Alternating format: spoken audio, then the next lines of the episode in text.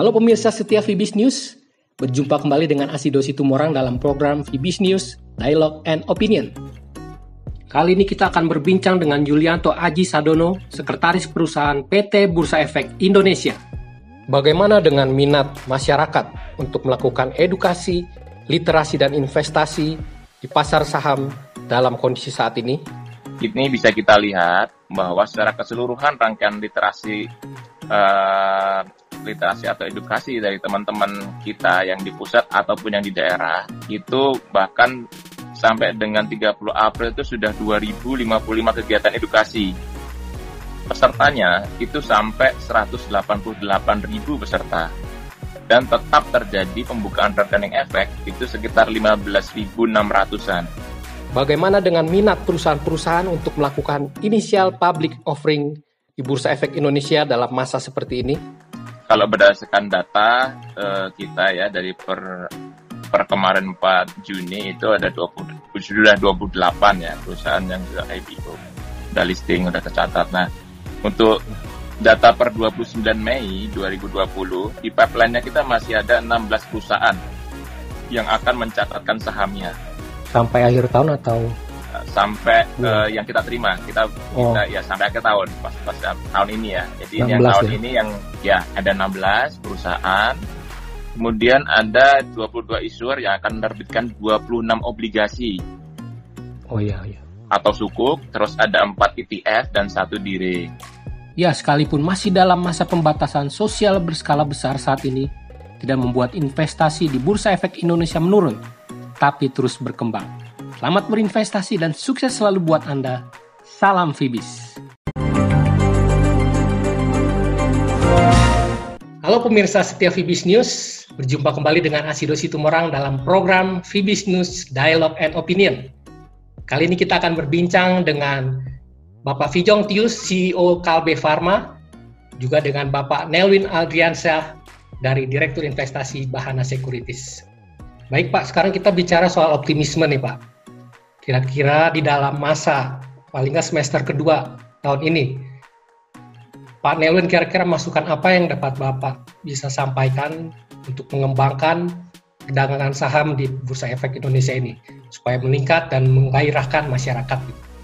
Ya, uh, sebelum ke sana mungkin uh, saya juga uh, ingin mengingatkan juga ya bahwa recovery Indonesia di semester kedua ini uh, akan banyak tergantung kepada uh, kesiapan kita setelah di berbagai kota mulai hari ini dibuka kembali kegiatan ekonomi dengan dengan apa uh, new normal gitu ya. Yeah. Iya. Uh, ini uh, mungkin dua minggu pertama dalam tahapan new normal ini menurut saya cukup kritis karena akan terjadi lagi interaksi antar manusia dalam skala yang lebih besar di pasar-pasar, di mall, di angkutan umum. Ini kalau uh, tidak di apa masyarakat tidak patuh terhadap uh, perlindungan diri, uh, terhadap pencegahan penularan ini bisa terjadi second wave ya. Bahkan sebetulnya boleh dibilang kalau mau jujur Indonesia first wave-nya aja belum selesai ya, belum lewat. Kalau kita lihat angka-angka yang diumumkan pemerintah setiap hari new case ini masih meningkat uh, trennya ya secara rata-rata eh, tujuh harinya. Jadi meskipun satu dua hari pernah terjadi penurunan, tapi kemudian hari ketiganya terjadi lagi peningkatan yang baru uh, rekor baru gitu. Ini ini menjadi concern sih sebetulnya uh, jika jika kita tidak berhasil mengatasi datangnya second wave ini mungkin uh, yang terjadi bukan recovery di semester kedua malah kondisi yang mungkin semakin memburuk karena uh, beban pemerintah untuk biaya kesehatan ini semakin meningkat ada resiko terjadi lagi apa PSBB yang baru ya ini kita harapkan tidak terjadi jadi peran aktif masyarakat dalam uh, mengikuti protokol kesehatan uh, new normal ini menjadi langkah yang krusial dalam uh, upaya kita bersama-sama membangkitkan lagi perekonomian nasional di semester kedua dan secara uh, khusus di bursa efek kita. Nah, kalau terkait dengan bursa efek uh, Indonesia sendiri untuk semester 2 ini kita melihat ya uh, yang kita harapkan sih investor-investor uh, asing yang di semester pertama ini boleh dibilang melakukan net sell uh, penjualan bersih di, di bursa kita mulai akan kembali karena bagaimanapun kalau kita lihat uh, earnings projections uh, Indonesia itu relatif uh, lebih kompetitif ya dibandingkan bursa-bursa lain. Begitu juga secara makro uh, pertumbuhan ekonomi Indonesia uh, relatif stabil sebelum terjadi pandemi dan di tahapan pandemi ini pun beberapa uh, lembaga ekonomi dunia memprediksikan Indonesia bersama uh, India, Vietnam dan Cina ini mungkin menjadi sedikit negara yang masih bisa mencatatkan pertumbuhan ekonomi positif. Tentunya hal-hal uh, ini uh, akan uh, berpengaruh pada minat investasi investor asing untuk kembali berinvestasi di Indonesia. Kalau dari Pak Vijong Pius gimana Pak untuk dari sisi emiten sendiri? Apa kira-kira harapan dan uh, yang dapat dilakukan oleh Bursa Efek untuk dapat mengembangkan dagangan saham di semester kedua ini Pak? Ya, memang kami lihat uh, semester kedua memberikan optimisme yang cukup positif.